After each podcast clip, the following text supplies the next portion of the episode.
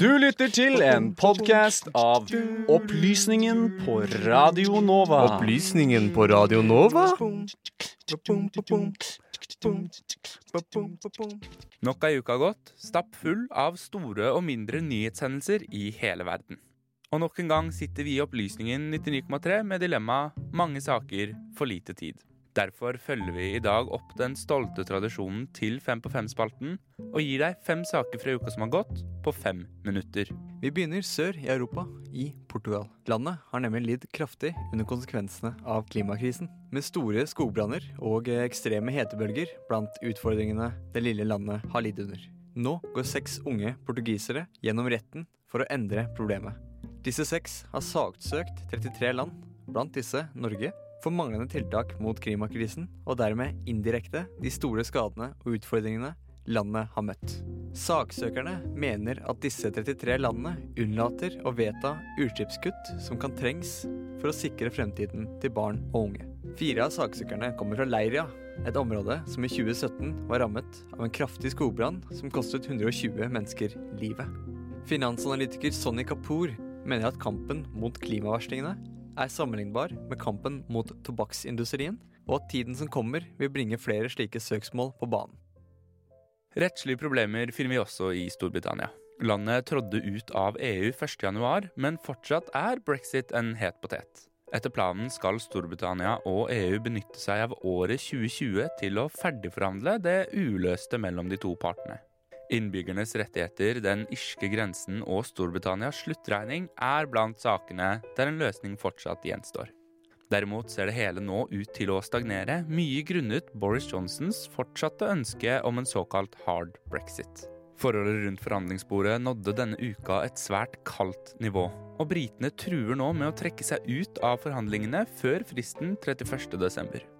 Skulle de to ikke bli enige om veien videre innen 31.12, vil britene suse ut av EU uten en avtale, og vil dermed falle ut av det indre markedet. Dette vil sannsynligvis bety strenge grenser mellom de to unionene, svært ustabile rettigheter for EU-borgere i Storbritannia vice versa, og mulig krisetilstander på den irske grensen. Vi skal tilbake i tid. I 2017 hørte vi om folkemordet på rohingya-minoriteten i Myanmar. Da ble store mengder rohingyaer fordrevet og massakrert i Rakhine-provinsen i landet. Leger uten grenser rapporterte i 2017 om så mye som 6700 drap fra 25. august til 27. september 2017. Denne uken kan New York Times rapportere om at to tidligere myanmarske soldater som deltok i massakren, har gitt et vitnesbyrd over video der de beskriver grusomhetene de ble beordret til å utføre. Drep alle du ser, enten det er barn eller voksne, skal ordneren ha vært.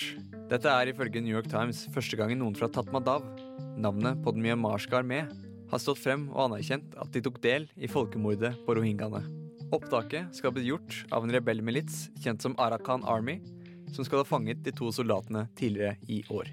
Humanitære katastrofer preger også vårt neste reisemål. Natt til onsdag startet en brann i flyktningleiren Moria på øya Lesfos i Hellas.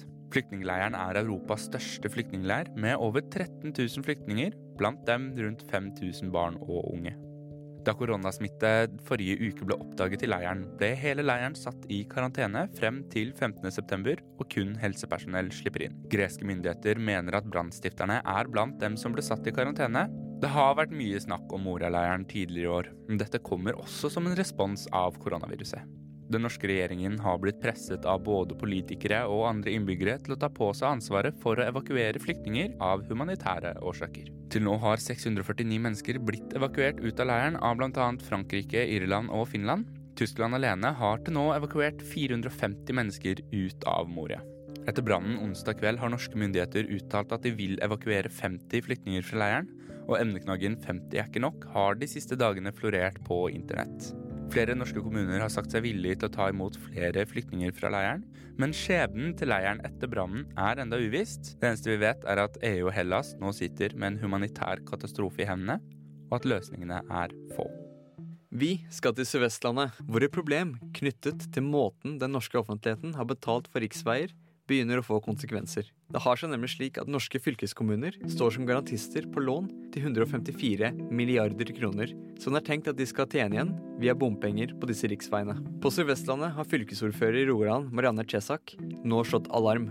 De står nå som garantister på lån til en verdi på 31,8 milliarder kroner, som for øvrig er høyest i landet. Alarmen slås på bakgrunn av planen for utbygging av nye E39 mellom Ålgård i Rogaland og Lyngdal i Agder, hvorpå Rogaland i utgangspunktet skulle stå som garantist for ytterligere 11 milliarder kroner. Ordfører Marianne Chesak siteres på nrk.no, hvor hun sier vi kan få en dårligere rating, og med det dårligere rentevilkår ved fremtidige lån. F.eks. når vi skal bygge skoler.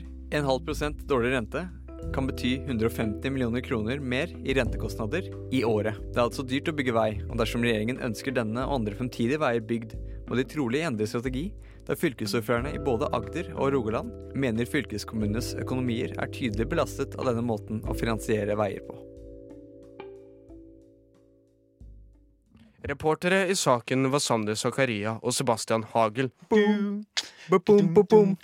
Du har nå hørt en podkast fra Opplysningen 99,3. Finn denne og tidligere episoder på Spotify, iTunes eller der du måtte finne dine podcaster ellers.